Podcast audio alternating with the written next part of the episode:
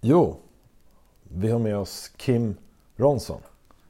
Eh, fantastiskt trevligt att du ville vara med här idag och eh, tänkte då att eh, fokus skulle ju ligga på det här försvinnandet, Brian det. försvinnande. Mm. Så Kim, berätta några ord om dig själv och ja, lite sådär allmänt om dig.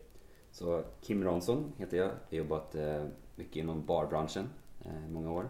Eh, och eh, är intresserad av konspirationsteorier mycket och eh, andra eh, åsikter kan man säga om, eh, om mycket här i Mm. världen. Mm. Och just det här fallet om Brian Schaefer, Mm. när vi talades vid om det, eh, fick mig väldigt intresserad av att eh, gå in djupare på det Mm. och eh, försöka förstå mer av vad som hände. För ett oförklarligt fall som detta och konspirationsteorier tycker jag är väldigt eh, intressant att gå in på. Så att, Mm. tack för att jag fick komma hit.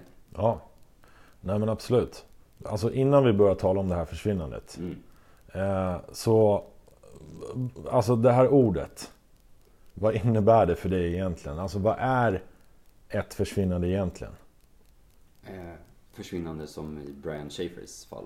Det, det här sticker ju ut så pass mycket. Ja. Vi har ju väldigt få svar. Mm. Alltså man kan ju nästan tro att det här är en illusion. Precis.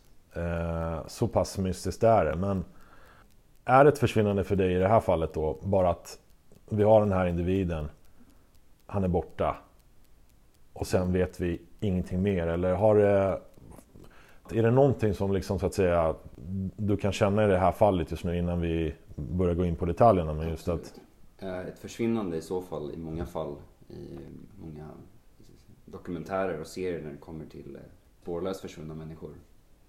Så är just det här eh, väldigt intressant.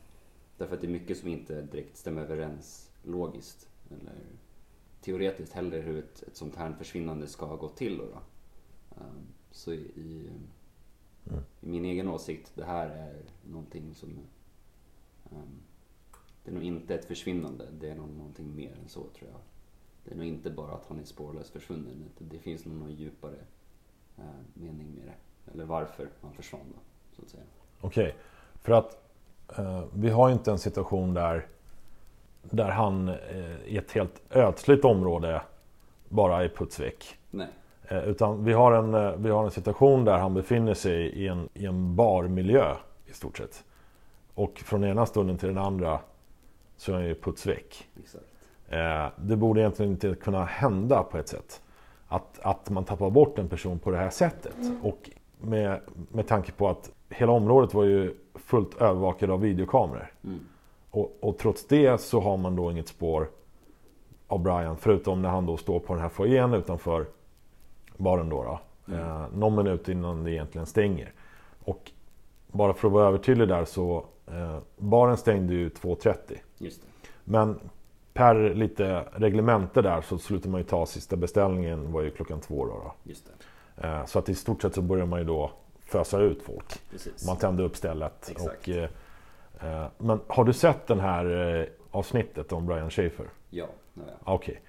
Eh, De gör ju så att säga en viss poäng utav det också att om man nu ska börja prata om vad som kan ha hänt så precis utanför baren så står det ju två uniformerade poliser där också. Just det.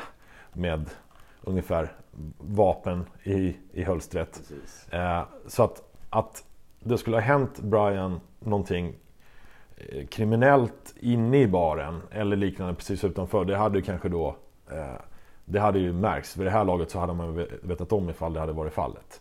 Precis. Eh, Och att någon skulle få för sig att göra någonting i den vägen då mot Brian. eh, Med tanke på alla människorna som var där, bargäster och liknande och även då de här uniformerade poliserna. Mm. Vad kan du se kan i så fall möjligtvis ha hänt om man då betänker att vi har en person som väljer att inte lämna baren från samma väg som han kom ifrån. Mm. Precis. Eh, I barmiljö så är det väldigt svårt att hålla koll på människor. Även eh, ordningsvakter och de som jobbar. Men i just det här fallet så är det ju en liten bar tydligen. Mm. Så inte särskilt stort då. då. Eh, Och han har antagligen befunnit sig där flera kvällar. Eh, För att han bor ju i närheten då, eller bodde i närheten. Mm. Eh, Och känner lite människor i den, de kretsarna. Så det är inte, absolut inte omöjligt att man har liksom missat att han har gått ut fel slags väg eller liksom gått igenom en dörr. För att är det en bar så är det mycket miljö, mycket ljud och mycket annat som händer. Det är väldigt svårt att uppfatta då vad en person ska ha tagit vägen någonstans. Om det nu rör sig om en annan utgång och inte huvudentrén då, då som är den enda befintliga vägen där det finns en övervakningskamera och där det står två stycken beväpnade ordningsvakter eller poliser i det här fallet. Då, då. Mm. Mm. Ehm, men enligt övervakningskamerorna och vad jag har eh, sett så är de här två ordningsvakterna inte särskilt uppmärksamma på just stället. För att det här är så pass litet ställe så känner de kanske inte att det är överdrivet um, um, nödvändigt att hålla koll på allt och alla som går in där. För att nu kanske det inte rör sig om tusen personer. Nu kanske det rör sig om mycket, mycket mindre i det här fallet. Uh, hade det varit en, en, större tillställning eller en större lokal så hade ju garanterat ordningsvakterna betett sig annorlunda. Uh, men sker det här ofta och många kvällar så tror jag inte att de lägger så pass mycket märke till ifall han har försvunnit utifrån någon annan väg. Och det finns garanterat nog inte ordningsvakter inne på stället. För i USA så ser det väldigt annorlunda ut jämfört med Europa. Just det. Men det här fenomenet med att ha ett liveband i, i en klubb eller en bar. Har du varit med om det? Du har ju ganska gedigen erfarenhet i barbranschen till exempel. Mm. Har du varit med om att det har varit sådana här livespelningar någon gång och liknande? Mm. Du har det? Ja. Det är, det är många eh, gäster och kompisar till livebanden som vill gärna hänga med också. Eh, och i barbranschen kan jag säga att det, det sker mycket uppe backstage i, i nattklubbar och sådär. Eh, där det både förekommer droger och, eh, och drickande. Mm. Men både de banden eller liveartisterna, DJs och deras kompisar eller tjejer eller någon som då ska hänga med upp bakom, bakvägen. Och oftast så är det ingen som håller koll på det här. Just det. Heller. Just det. det är kanske någon diskare eller någon jobbare som, eller någon bartender då, då som riktigt kanske inte hänger med på. Liksom. Utan det är oftast artisterna eller banden själva som bestämmer lite vilka som får hänga med backstage eller upp eller någon bakväg eller så. Mm. Mm. Vi har ju scenariot där, eller vi vet ju då att det här bandet som spelade i Ragletona Salona. Mm. Eh, det tog ju tid innan man ens visste vilket, vilka bandmedlemmarna var. Ja, det tog ju tid. Sen kom det ju fram då eh, 2018 i samband med en undersökande podcast så tog de reda på vem det här bandet var. Men just också det faktumet att de bandmedlemmarna, i och med att de hade den här utrustningen att konka på. Mm. Det är ändå rätt mycket utrustning. Det är ju liksom eh, du vet, mikrofoner, kablar och mm. gitarr, gitarrfodraler och liknande. Eh, så i och med att det var rulltrappor upp och ner från in i byggnaden och in i baren så, så fick de då använda baksidan av byggnaden. Eh, det, där fanns det ju parkeringsmöjlighet. Så att den vägen var ju då den vägen som man kom in genom och det var ju samma väg då som bandet tog efter att de slutade spela på Ragleton Solona. Just och just vad det gäller eh, tidsramar och liknande så har vi ingenting riktigt där. Vi, vi vet på ett ungefär att de, de kanske lämnade då kvart i två, någonstans strax efter två. Mm. Det är någonstans där. Sen brukar man i norm, normalfallet så avslutar man ju spelning, då är det inte så att man beger sig direkt ut utan man, man samlar ihop sin utrustning där och man, hänger, man kanske går och tar en drink i baren och man pratar med de här fansen då som stannar. För det, det är precis det scenariot som de då har målat upp att, att det, det var en del vänner och fans till bandet då. då mm. Som valde att haka på dem ut, den här då alternativa eh, utvägen. Eh, och det, då är det kanske inte helt otänkbart då i och med att också Brian då som vi, vi vet hade ett intresse av att spela gitarr. Mm. Och hade den här, det här intresset för just musik och liknande. Mm. Att han möjligtvis eh, såg chansen att haka på det här bandet då. då. Kanske ville byta några ord med den här gitarristen eller liknande. Och tog den, samma alternativa väg som de här andra personerna gjorde. Eh, två teorier då. då att han kan ju ha försökt att eh, samtala med eh, bandmedlemmarna här då. Men om han inte syntes på övervakningskameran eller då syntes till att lämna lokalen med bandet eh, så har det, finns det andra utvägar ifrån den här byggnaden. Mm. Eh, och har han då velat ta kontakt med bandet utan att befinna sig i lokalen där det redan befinner sig människor så är den smartaste då eh, skulle man säga. Så är den smartaste anledningen till att försöka träffa på de här när de är ensamma då. då. Och det blir då utanför lokalen. Just det. Så om det finns andra vägar ut, om man då är medveten om vilka vägar man kan ta för att komma ut och inte huvudentrén då. Eh, Så att det säger att det finns två eller tre andra utvägar utifrån den här lokalen och man kan ta sig runt på baksidan. Så hade det varit det smartaste sättet för någon att eh, ta kontakt med bandet eller en artist då. då. Mm. Eh, För att i, i många fall så vill de inte överdrivet prata med alla sina gäster eller bandmedlemmar. Eh, Eller medlemmar eller kompisar då till bandet. Eh, För det blir väldigt mycket, det blir många människor och har man spelat ute och trött så vill man kanske ta en öl backstage och sen bara åka hem eller åka någon annanstans eller hotellet eller efterfesten. Mm. Så bargäster och sånt är ju inte priade liksom. Exakt. Det Ja. ligger inte prioritet för de som spelar samtala. Om det nu inte är på en mindre ställe, på en, en mindre lokal som vi, som vi är medvetna om här i Stockholm och i andra ställen runt om i Sverige så är det oftast så det funkar. Mm. Bandet vill gärna snacka och hänga med människor efteråt då. Men eh, i Brians fall, om vi säger nu hypotetiskt att han hade velat samtala med bandet och det var för mycket människor inne i baren för att han var för full. Eller några andra anledningar till varför han inte kunde direkt gå rakt fram och prata med bandet. Så hade en, en teori då varit att han hade velat ta sig ut bakvägen på ett annat sätt. Eh, och sen försöka samtala med bandet eh, på utsidan, eller baksidan av den här lokalen då. Just det. För att ta sig ut via huvudentrén eh, kanske inte hade varit det enklaste om det nu befann sig andra människor på den huvudgatan. Mm. Mm. Det är en teori i så fall. Ja. Det är en teori. Men du, hade, du sa inledningsvis att det var två teorier. Du hade två teorier där. Exakt. Till varför han då möjligtvis lämnade den här vägen då. då. Exakt. Så vad, kan, man, kan vi gå in på den andra teorin i så fall? Den andra teorin då är att det, det var inte bandet som var hans intresse då. då. Mhm. Intresset hade kanske varit att han hade velat försvinna. Okej. Eh, Och det smartaste sättet, om han nu var en intelligent eh, människa som de anser, anses att han var då, då så hade då en bakväg varit det smartaste sättet för att hade han syntes till på kameran så hade de ju fattat att han hade försvunnit. Ehm, och är han så pass intelligent så hade nog alltså, tagit sig ut där det inte finns övervakningskameror hade varit den bästa idén för någon då. Att vilja försvinna självmant.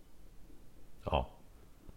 För att vi gick igenom lite grann eh, innan vi började spela in här. Men just att vi, vi nämnde ju då att i det här HLN-avsnittet så tar de ju upp det faktumet att Brian Schaefer var ju eh, Han var ju bland de 10 procenten då högst rankad i, i klassen då. då. Mm, Och det är ju och det är på en läkarutbildning. precis. Så det är inte på vad som helst att säga. Så att då har man ganska mycket bakom pannan. eh, för att kunna gå en sån utbildning och utmärka sig på det sättet. Precis. Eh, Så man kan ju absolut anta att Brian då, oavsett motivation egentligen, var intelligent. Exakt.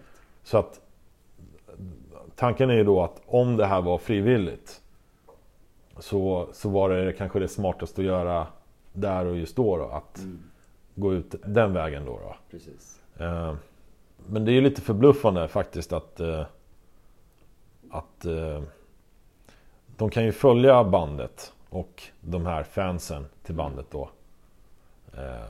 De har ju titulerats fans men det är förmodligen folk som bandet kände sedan tidigare. Eh, Förmodligen när man då lirar på sådana här klubbar så kommer det alltid folk som känner bandet då. då. Exakt. Och som bandet lär känna framförallt då med tiden.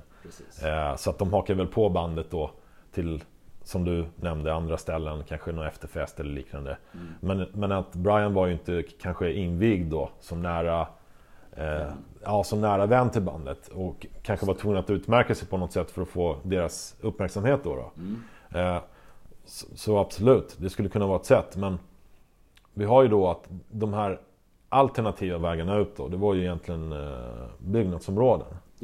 Kan man någonstans eh, hypotisera den igen då att, att om man nu... Vi vet ju att han började ju kvällen med att träffa sin far.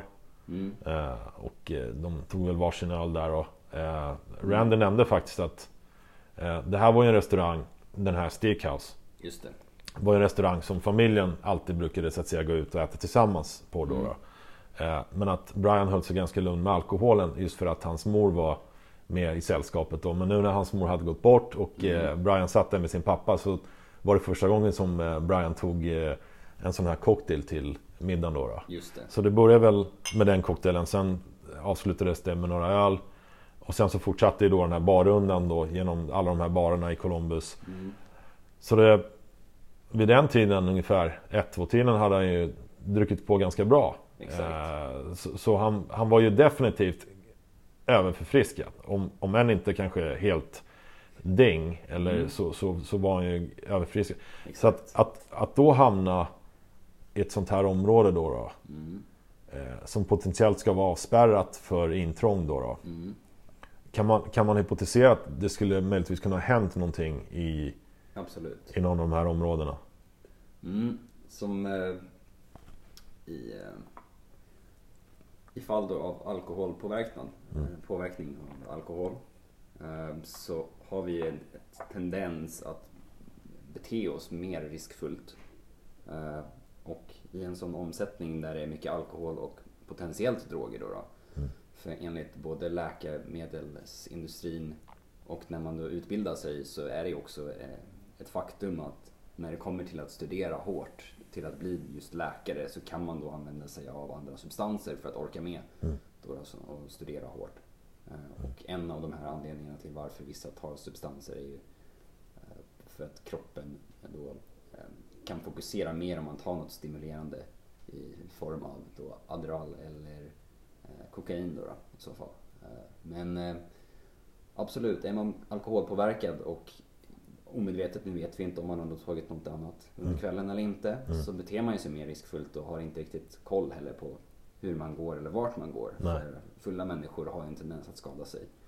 Och eh, de, deras balans ja, sinne är ju ganska rubbat också. Så att, säga. så att om det nu var en byggarbetsplats just på baksidan och eh, mycket sånt så är det ju ett, ett, eh, en logisk anledning eller ska man säga att han kan ha skadat sig på vägen ut.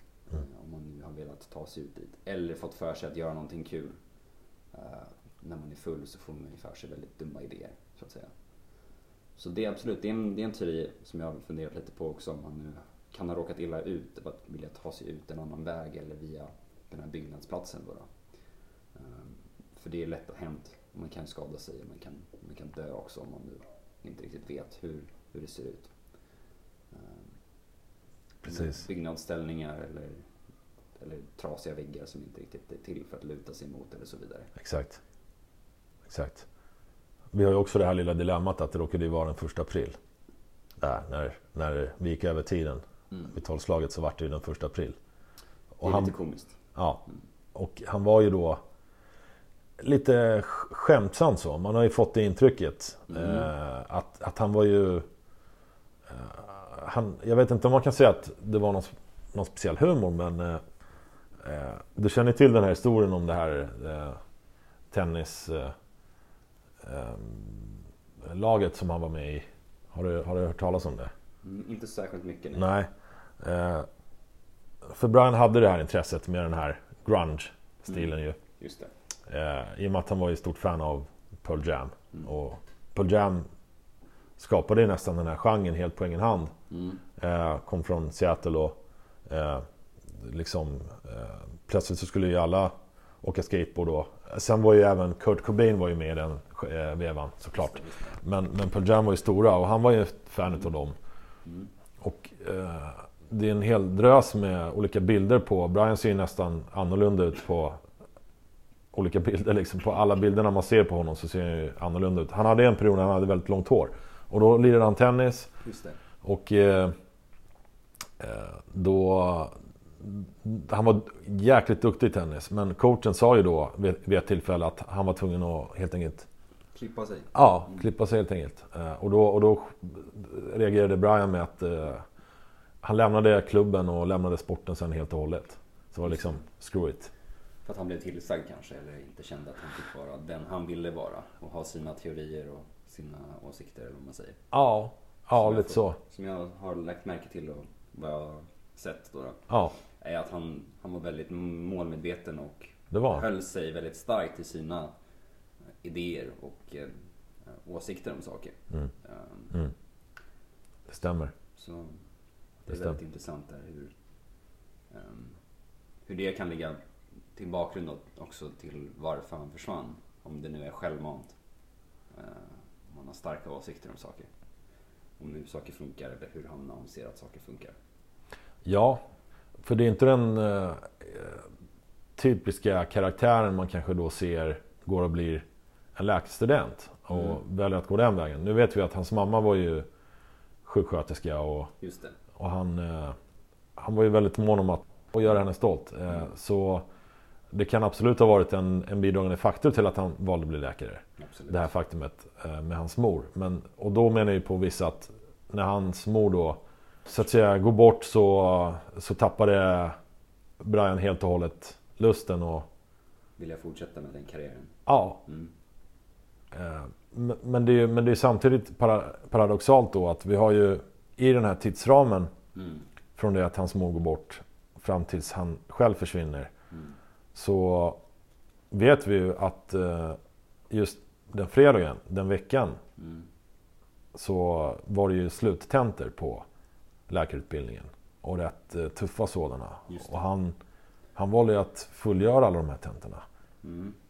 Och klarade även av de här tentorna. Det har man ju fått reda på efteråt då, när de rättade igenom dem. Att, Mm. att, att, han, att han klarade, han kvalificerade sig vidare för att kunna fortsätta studera. Mm. Så varför gå igenom den helvetesveckan där man i stort sett inte får ett blunds Sömn. sömn och då eh, varför inte bara lämna så att säga veckan innan om man nu hade tänkt att strunta i läkarutbildningen och bara liksom ge sig iväg ifrån allt. Varför har vi just det tillfället när han står där utanför baren där vid Raggletuna Solona? Mm. Varför just där och då? Eh, han syns ju med de här två tjejerna Mm. och står i stort sett och småflörtar med dem då. Just det. Eh, så, de, så de säger tack och hej Mm. lämnar och åker ner för rulltrapporna. Och vadå? Puff! Liksom, får han för sig där och då att nu ska jag försvinna. Att han är klar med allt och inte orkar mer. Nu lämnar jag allt bakom mig bara. För att är man nu intelligent, Mm. Kim, så kan man ju då tycka någonstans att man kanske hade kunnat planera saker och ting. Mm.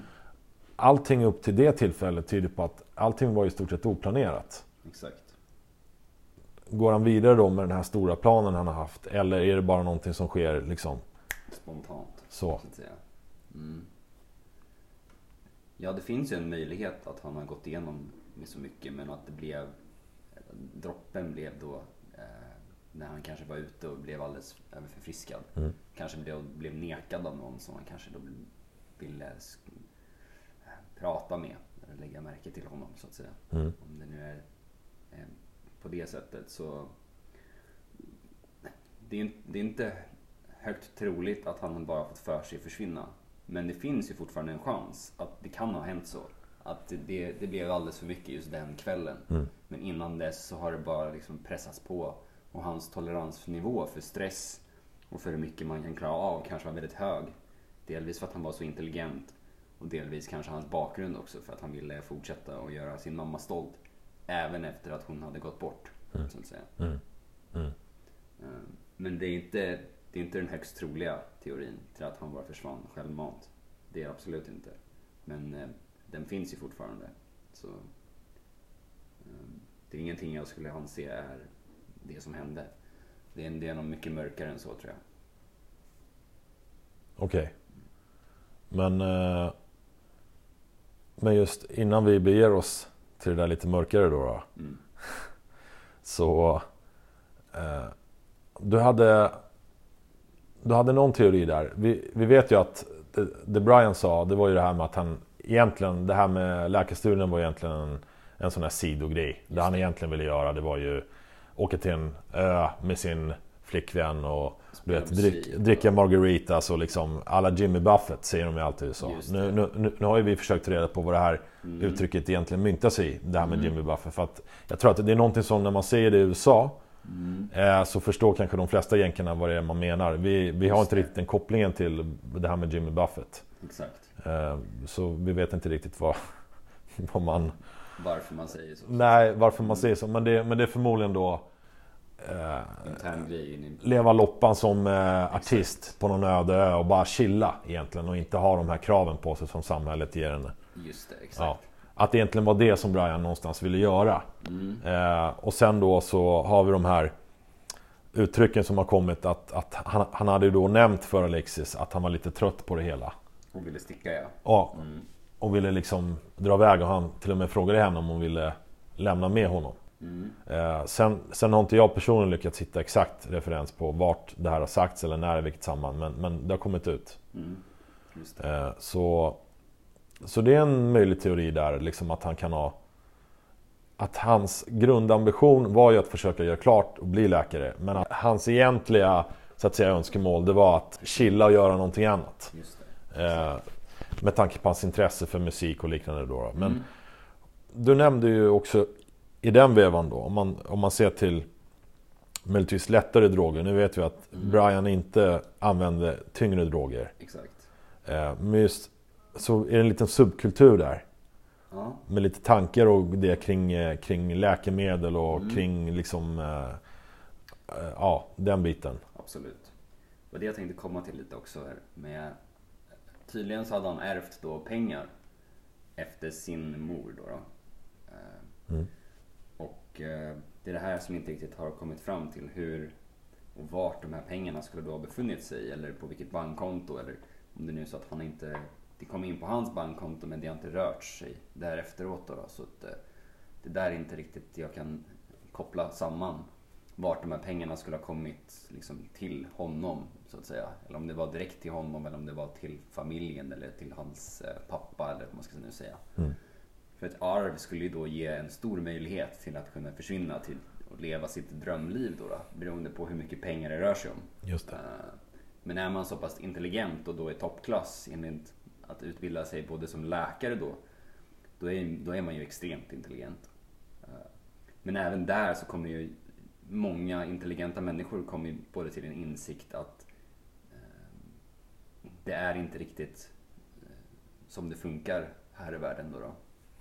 Eh, och när det kommer till artister och musiklivet så är det ju en, en stor del av dem eh, insatta på just det här med Mariana. Eh, som många klassar som en drog och som många kanske klassar mer som en, en planta och mer naturligt. Då då. Och det finns väldigt, väldigt många artister som förespråkar just om Mariana. Och i många fall konspirationsteorier så har det här med att göra om cancer också. Eh, att Mariana och CBD och hela den kulturen förespråkar om att det är ett naturligt sätt att bli av med cancer. Eh, men det är därför det är också så hårt straffbart enligt vårt samhälle då. då. För att hade det varit ett naturligt sätt att bli av med cancer så hade ju läkemedelsindustrin aldrig kunnat profitera på att sälja eller då göra de här metoderna för att bli av med cancer, så att säga kemoterapi och allt vad det nu innefattar. Mm. Då hade det inte funkat och då hade inte läkemedelsindustrin hellre haft eh, de tillvägasätten att kunna tjäna pengar på sina patienter. För det är ju så läkemedelsindustrin riktigt... Under, på, på en underton så är ju så läkemedelsindustrin och hur de förnär sig på då. då. Det är på patienter och pengar och skatter och så vidare. Så om nu Brian hade fått för sig att studera mer enligt eh, teorin om just cannabis och vad för effekt den har. För att han var ju väldigt intelligent och hade utbildat sig eller fått ett diplom då inom eh, mikrobiologi eller vad det heter. Mm. Eh, och det har ju då att göra med, med celler och biologi. Och eh, läkemedelsindustrin har ju mer att göra med det teoretiska och det tekniska, hur kroppen ser ut och funkar. Och inte så djupgående på biologi och kost och näring och så vidare. Eh, Så det är väldigt intressant att hade det nu varit så att han hade velat förespråka mer om det eller kanske hade börjat lära sig och läsa på mer om just cancer för att det kan ju ta väldigt hårt om det nu är så att hans mamma gick bort i cancer. Mm. Och han studerar då inom läkemedelsindustrin och sen kanske, kanske då har fått en, en egen insikt om att just Mariana och det som förespråkas mycket inom den kulturen är att det ska vara naturligt och cancer då förebyggande eller botar, om man nu ska säga. Ehm, och det kan vara väldigt svårt om man då har en flickvän kanske, och en pappa och vänner som tror mycket på den här eh, naturliga liksom, läkemedelsprocessen, att kemoterapi och man måste gå till läkare för att få det gjort ordentligt och så vidare. Så kan det vara väldigt svårt att komma ut och säga att det är inte så här eh, så jag anser att saker ska funka eller ligger till. Då, då. Mm. Eh, så det kan man ta väldigt hårt på just det. Mm. Mm. Du menar att han, eh, han någonstans på vägen ändå hade med sig någon slags alternativ syn mm. från det här traditionella trots att han egentligen var en del av systemet. Precis.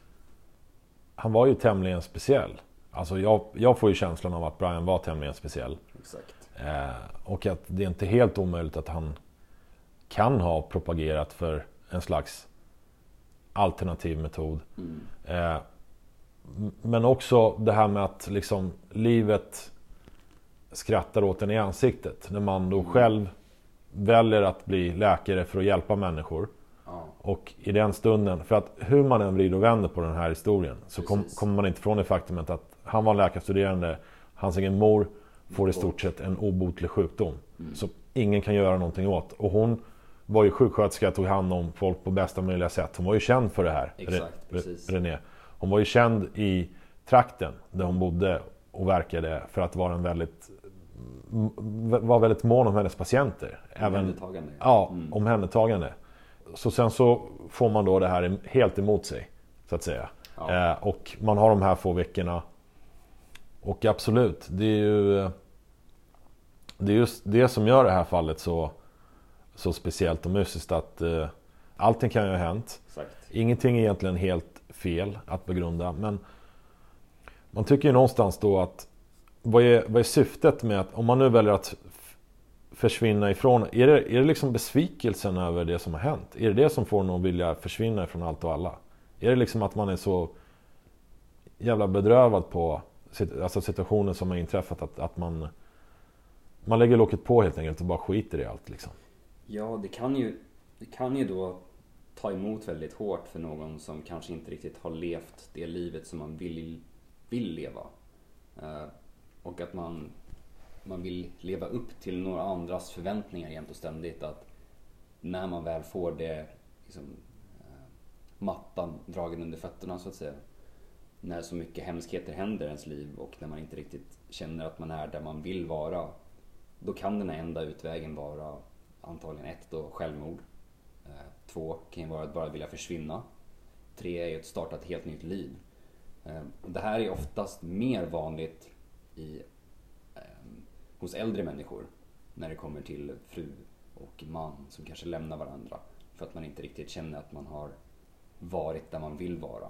Det kan också hända unga människor väldigt ofta. Att man känner att man inte riktigt har följt sin egen väg. Och man har försökt göra andra människor lyckliga jämt och ständigt.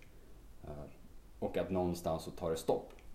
Och han hade ju då en tendens att bryta sina egna eh, vanor och sitt eget levnadssätt så att säga. Eh, så i den teorin så är det mycket möjligt att han fick nog av allt. Men vad som ska ha skett just den kvällen inne på baren och hur han ska ha försvunnit eller tagit, tagit sig därifrån är ju väldigt mystiskt. Mm. Men den teorin är väldigt stark. Att eh, man har fått nog med det livet som man har levt. Och att en vändpunkt kan komma så pass drastiskt att man gör någonting så eh, försvinnande eller lämnar sin fru eller nu i, ja, i många andra fall här då, då, så, så är det ju ett, ett högt liksom, logiskt att försöka ändra på sitt liv för att försöka vilja leva det livet som man vill leva. Men... Eh, mm. Det är ju ansvarig utredares teori. Mm. Är ju att eh, inte att Brian självmant valde att lämna Nej. den natten. Men att eh, han fick någon sorts knäpp. Exakt. Eh, någonting mentalt som påverkade honom och som gjorde att han ändå valde att gå den vägen. Mm. Så att säga han var inte vid sina fulla sinnens bruk. Nej. Ser man så? Mm. Ja. Eh, det är ändå någonstans, på det sättet så kan man ju safea rätt mycket då. då. Mm. Säga att okej, okay, Det var egentligen inte hans... För då tar man bort den här planeringsbiten. Mm. Då försvinner den helt och hållet. För då kan det ske någonting just där och då. Exakt. Då är man ju så att säga på ruta ett direkt. Mm. Utan att ta med det här bakom och liggande. Eh, Men, men, eh, men då är ju frågan, om man nu inte är vid sina sinnens fulla bruk när man då väljer att försvinna från allt och alla. Mm. Eh, hur lyckas man så att säga ge sig iväg ifrån allt och alla och inte synas på en endaste bild, på en endaste videoupptagning. Man lämnar inte ett enda livstecken någonstans överhuvudtaget. Mm. Visst, USA är ju ett stort land och du har ju varit där Mm. också. Exakt. Så berätta lite om dina, om dina intryck. Eh, Så du, du har rest runt rätt mycket i USA va? Ja, exakt. Ja. Jag har varit i över 25 stater i USA. Mm. Eh, USA ser väldigt annorlunda ut jämfört med Europa. Eh, det är mer bilväg och mer utspritt liksom, i hela landet.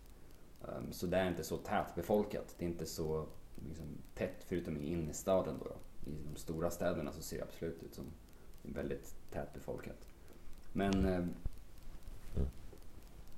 det, är, det är nog mycket lättare att bara liksom ta sig någon annanstans och försvinna därför att eh, tar man sig ut på sidovägarna eller någonstans där man inte riktigt syns så kan man ta sig väldigt, väldigt långt utan att man blir då filmad eller att någon som ser den så att säga. Mm.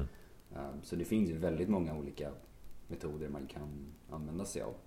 Ehm, det finns ju både lokalbuss där man kan då ehm, köpa biljetter och inte synas vid busstationen där man då plockas upp av övervakningskameror och sånt. Du kan även ta liksom svarttaxis och sånt. Du kan även ehm, försvinna genom att köpa då via svartmarknad bilar eller andra fordon också som inte syns på ditt konto och så vidare. Mm. Det är nog väldigt mycket lättare också eftersom kriminaliteten i USA är mycket, mycket, mycket högre än hela Europa. Ehm, Så på kriminellt sätt så är det nog väldigt enkelt. Och är man intelligent också och toppstudent så har man nog inte problem till att eh, skaffa sig sådana här metoder för att kunna försvinna. Men då är ju, ligger problemet i vart pengarna ska ha kommit ifrån och hur han ska ha kunnat undangömt sånt här. För det tror jag absolut utredningar redan har tänkt på. Mm.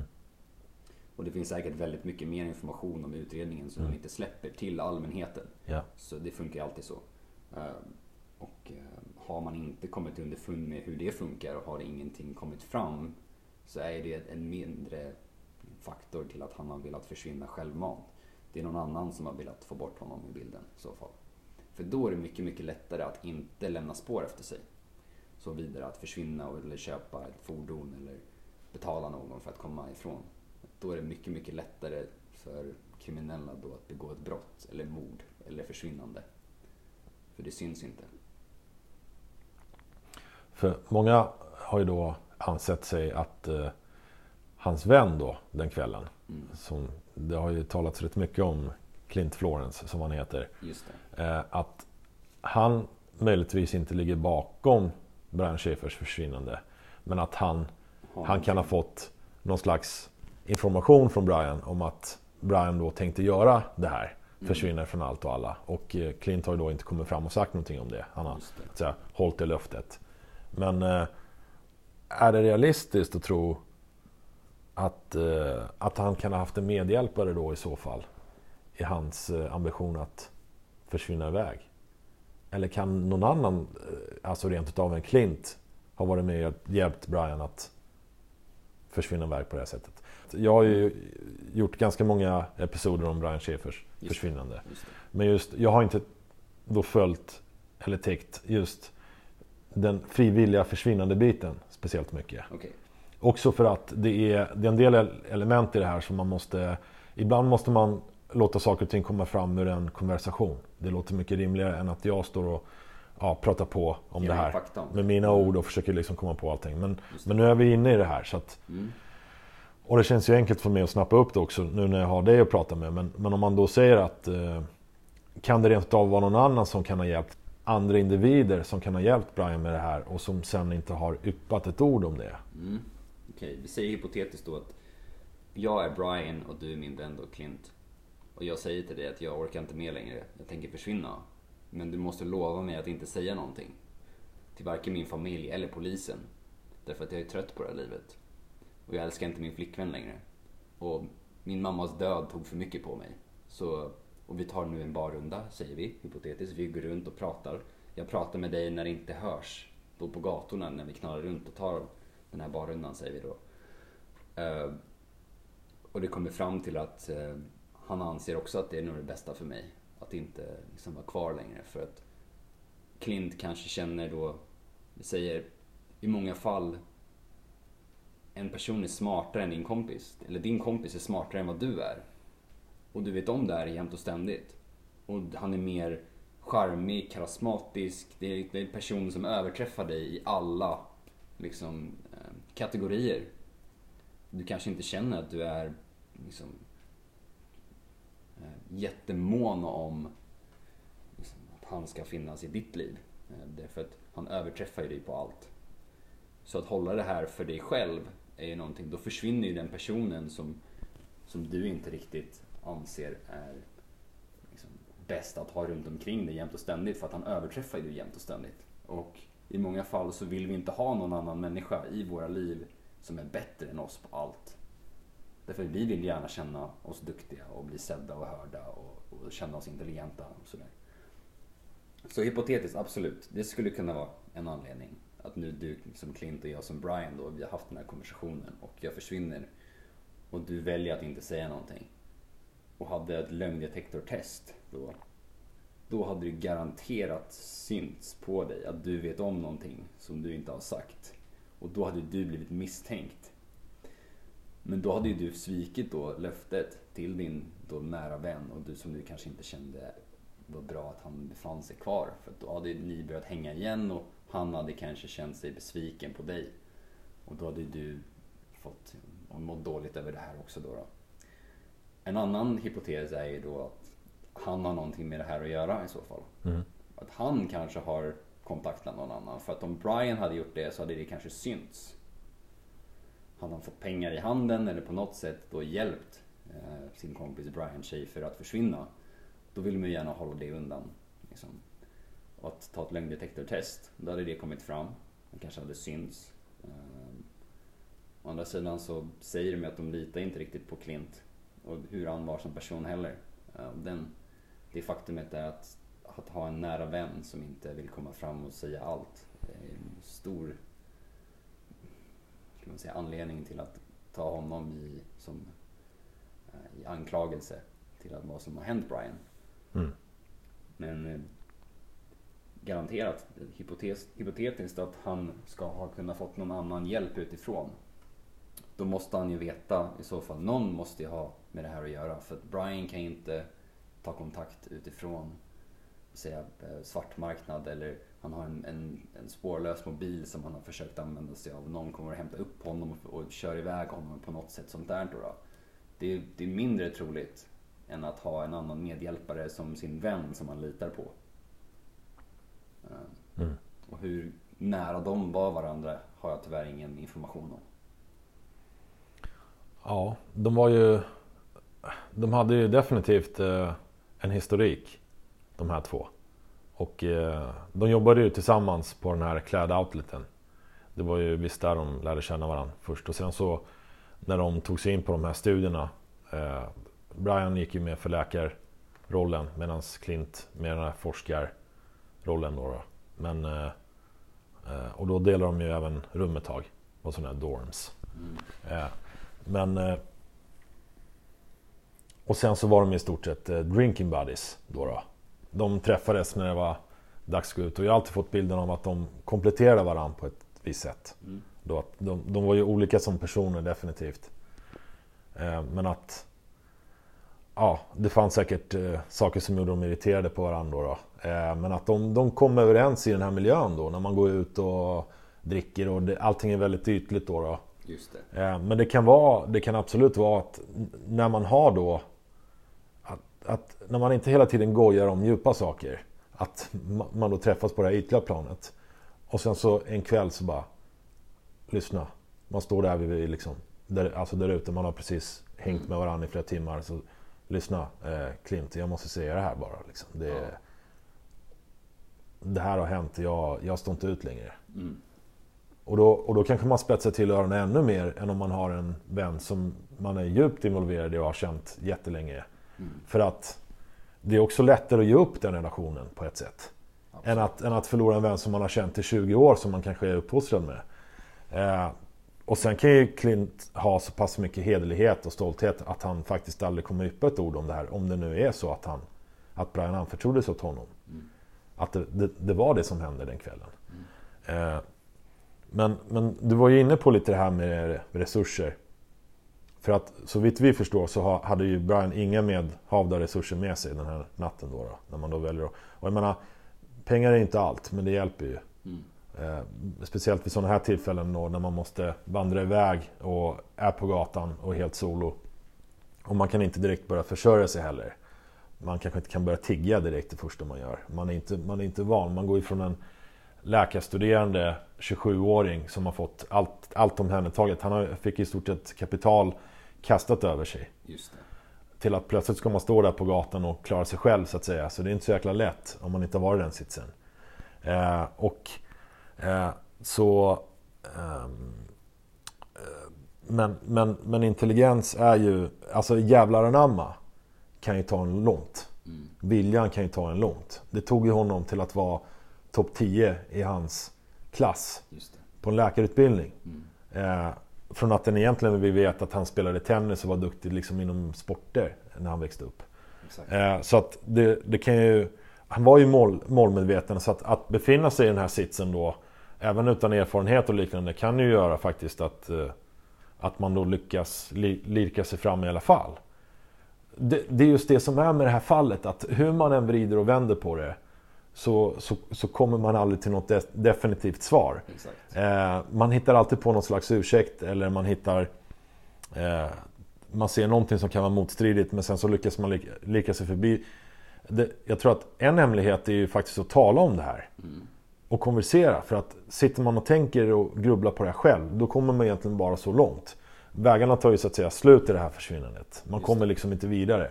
Även om det finns en hel drös med teorier om vad som kan ha hänt så tar det förr eller senare slut. Och det är just, jag hade ett avsnitt om det, föregående avsnitt var ju lite att man kan ju känna sig lite tom och ensam i det här försvinnandet om man mm. hela tiden grubblar på det. För att de här svaren kommer ju aldrig. Men, men det hjälper ju liksom att konversera om det. Eh, och just det här faktumet att man gör det nu i den här teorin gör ju att det känns ju lite tryggare. För att någonstans vill man ju ändå att den här sagan ska ha ett lyckligt slut. Mm. Man hoppas ju på det, men sen är det ju inte... Verkligheten är alltid hemskare än så. Mm. Eh, men du, du nämnde ju i början där att du, du hade någon mörkare teori. Mm. Så tror du att det är läge att dela med sig av den mörkare teorin nu, eller vill du? Ja, absolut. Det kan vi göra. Um, men det jag tänkte avsluta det du sa lite om också. Att, uh, man fastnar gärna också i samma tankebanor som man redan har och haft. Mm. Och man anser också att alla andra Eh, teorier som andra har kanske, åsikter eller, eller bara hypoteter, hypoteser, eh, inte stämmer överens med hur du ser på fallet. Därför att om du har spenderat väsentligt mycket mer tid än någon annan på just det här så förstår ju du också mer vad det mest logiska är som kan ha skett. Och man går gärna utifrån sin egen eh, erfarenhet på hur mycket tid man har spenderat på det också, hur mycket man själv vet om saker. Så går man ju gärna på den mest troliga teorin. Det som är mest logiskt och det som du anser verkar ha skett. Därför att du har spenderat så mycket tid kring alla olika slags teorier och åsikter och, och hypotetiska liksom, sammanfattanden på vad som ska ha hänt honom. Så absolut, att prata mer om det är väldigt mer givande också för att då kan man bryta lite sina gamla vanor som man kanske inte riktigt eh,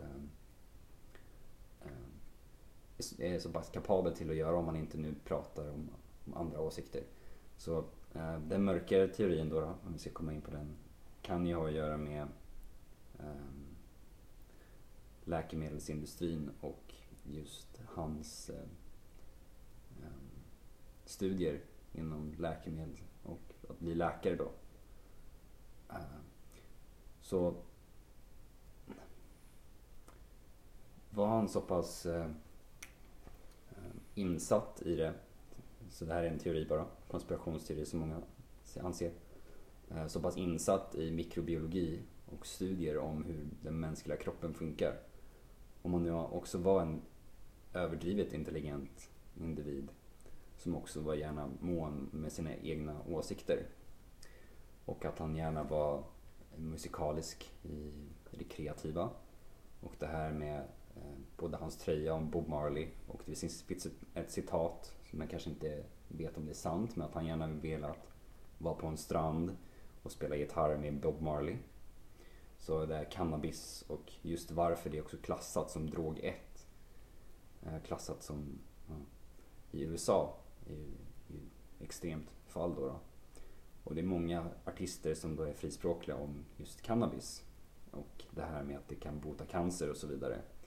Och är det någonting som man kan backa upp med sina egna studier också eh, och förstår kanske lite hur läkemedelsindustrin funkar. Har man då pratat eller samtalat med någon eh, om det här eh, som också kanske förstår.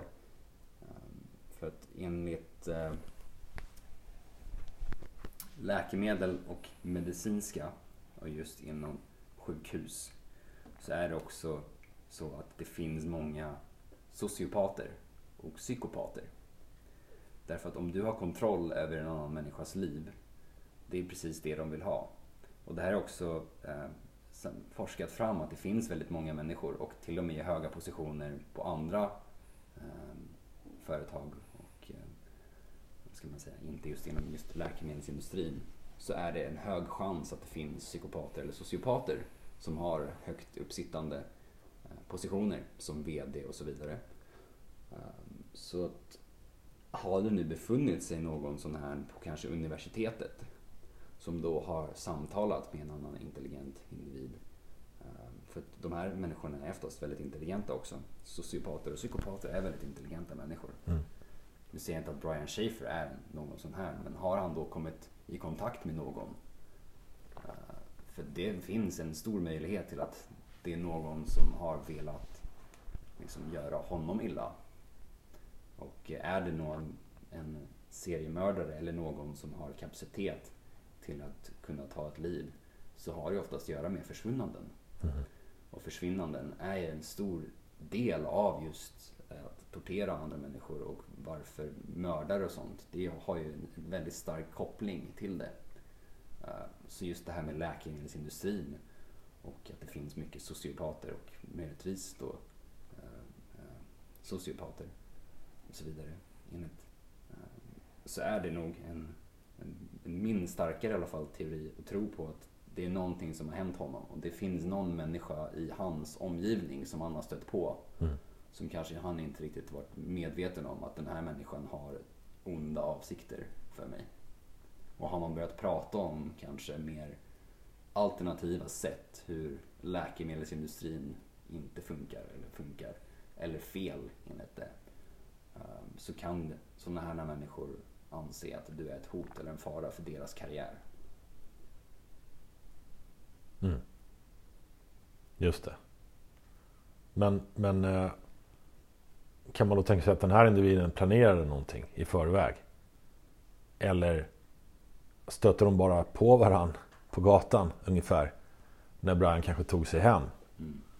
Det är ju det som är lite frågan då. Har det här blivit planerat och hur kan man då, hur kan man då lyckas med den här planen i minsta detalj så att säga? Att, att inte, dels att ingen upptäcker planen efteråt.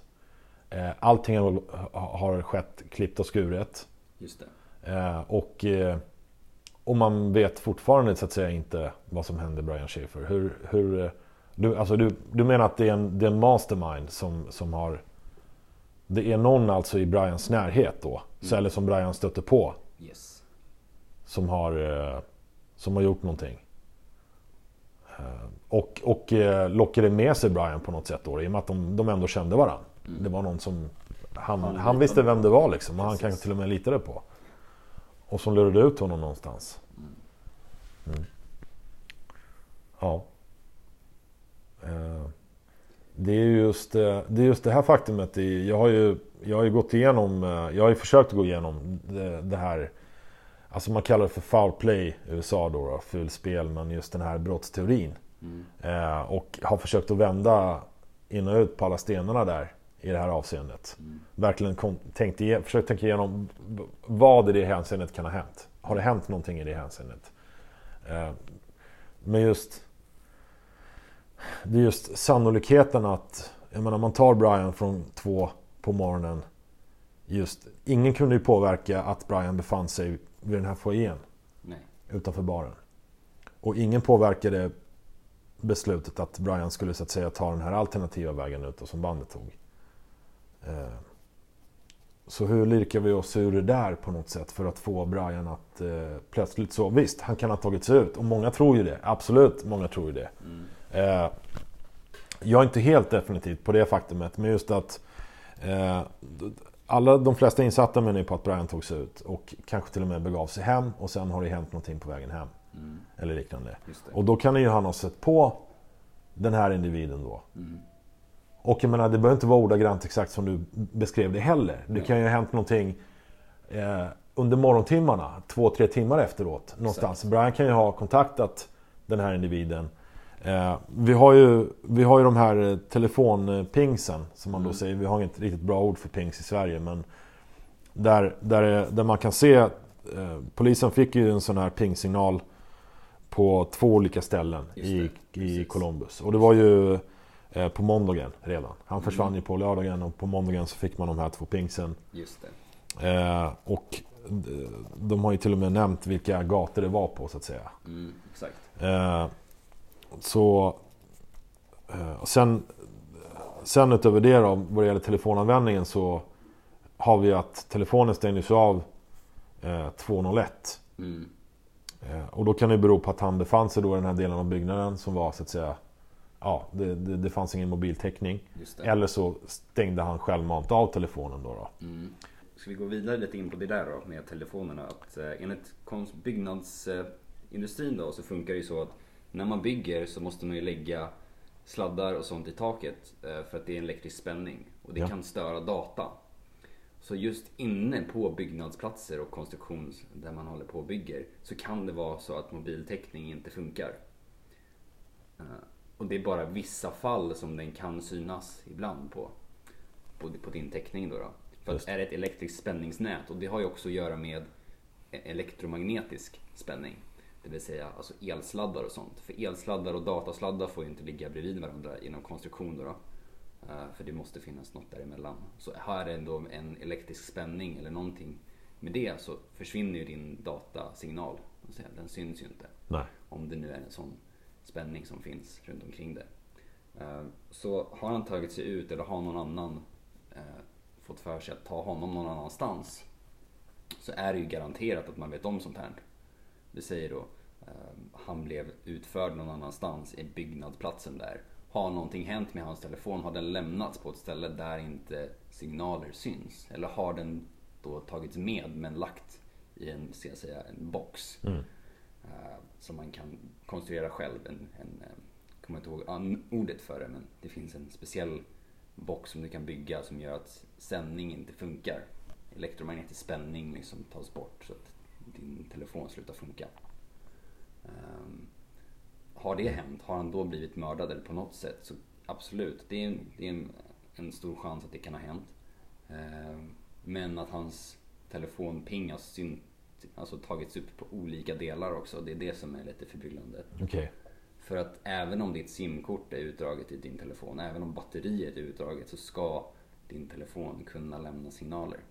Just på grund av att sånt här mordfall ska lätt kunna tas vidare. Men det är ingenting som telefonbolag direkt ger dig information om.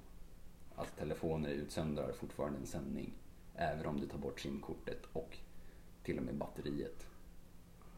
Ja, det som... Eh, det här undersöktes ju enligt vad vi har fått reda på.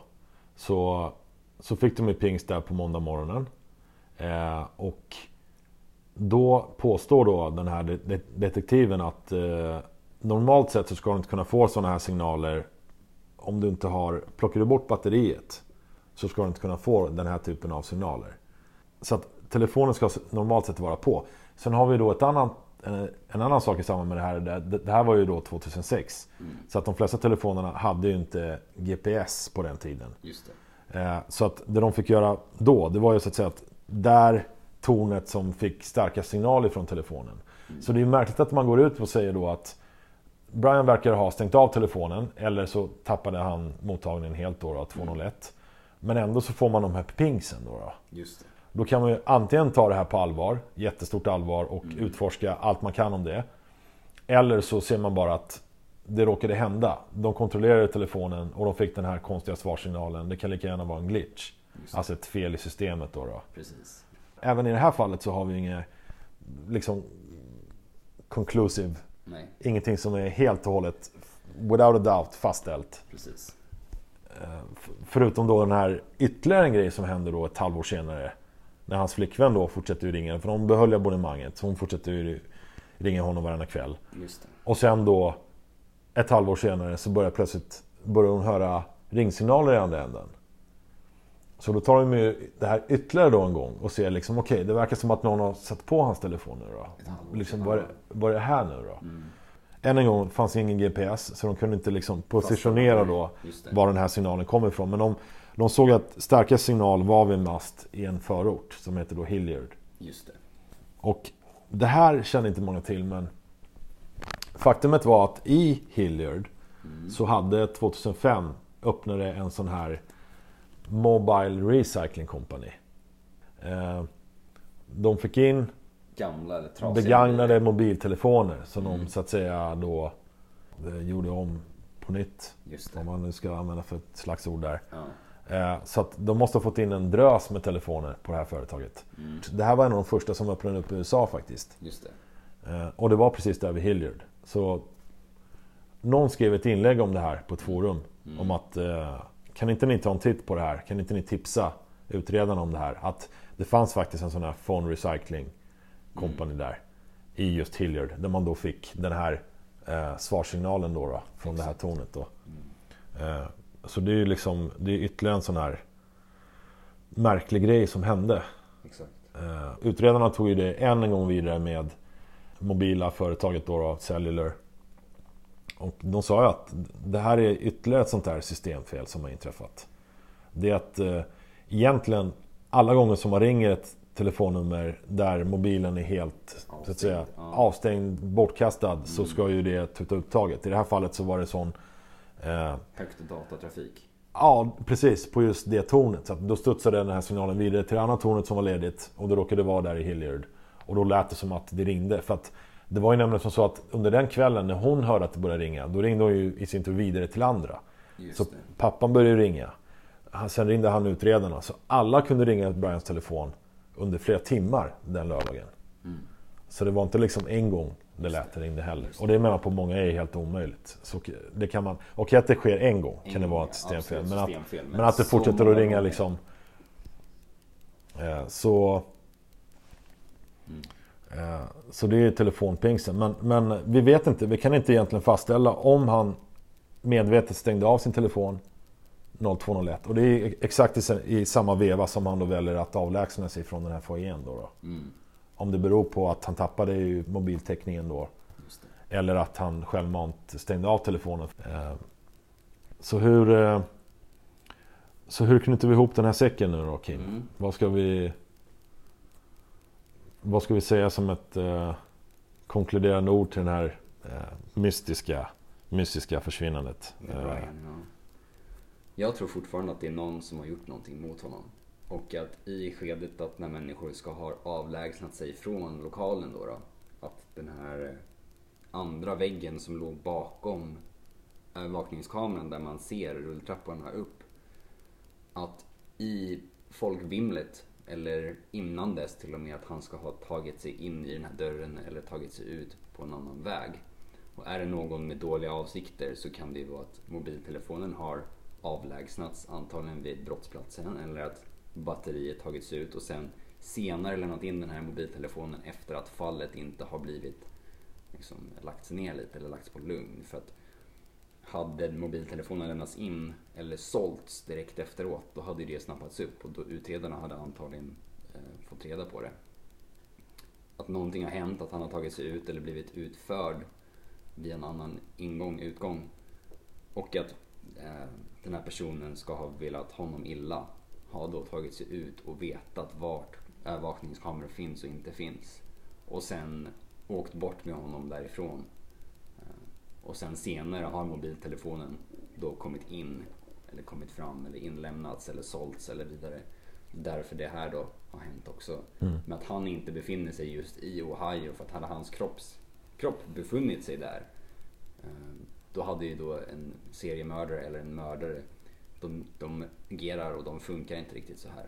Utan de har mycket mer metodiskt. Om det inte nu har att göra med att det blir en spontan mördare.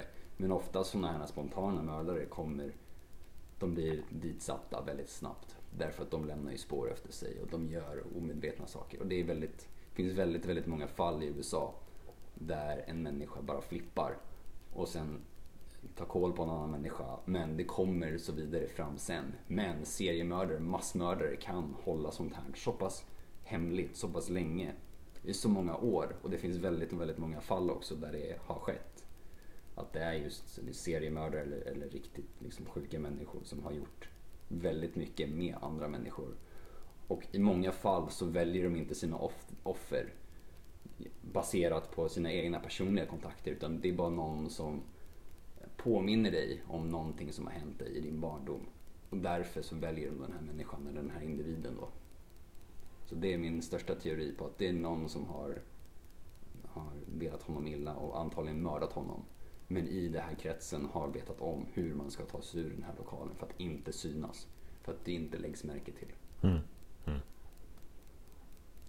Intressant. Ja, men då har vi ytterligare en teori i det här fallet. Jag trodde att vi hade eh, fullt med teorier men, men det här är ju någonting som... Den här brottsaspekten har ju begrundats tidigare och i USA framförallt, de tänker bara på brott. Det är, eh, det är såklart det som har hänt. Eh, vi europeer är inte lika liksom bevandrade i den här nischen. Vi har nog öronen och ögonen mer öppna för alternativ mm. än just att brott har begåtts. Eh, men eh, ja, nej men grymt. Då, då kan vi absolut ta detta med oss och jag tycker vi har gått igenom en hel del grejer som har varit intressanta och det har vidgat våra perspektiv lite grann måste jag säga. Detsamma här. Ja, så att, eh, grymt att du ville vara med Kim. Tack Stort tack. Ja, absolut.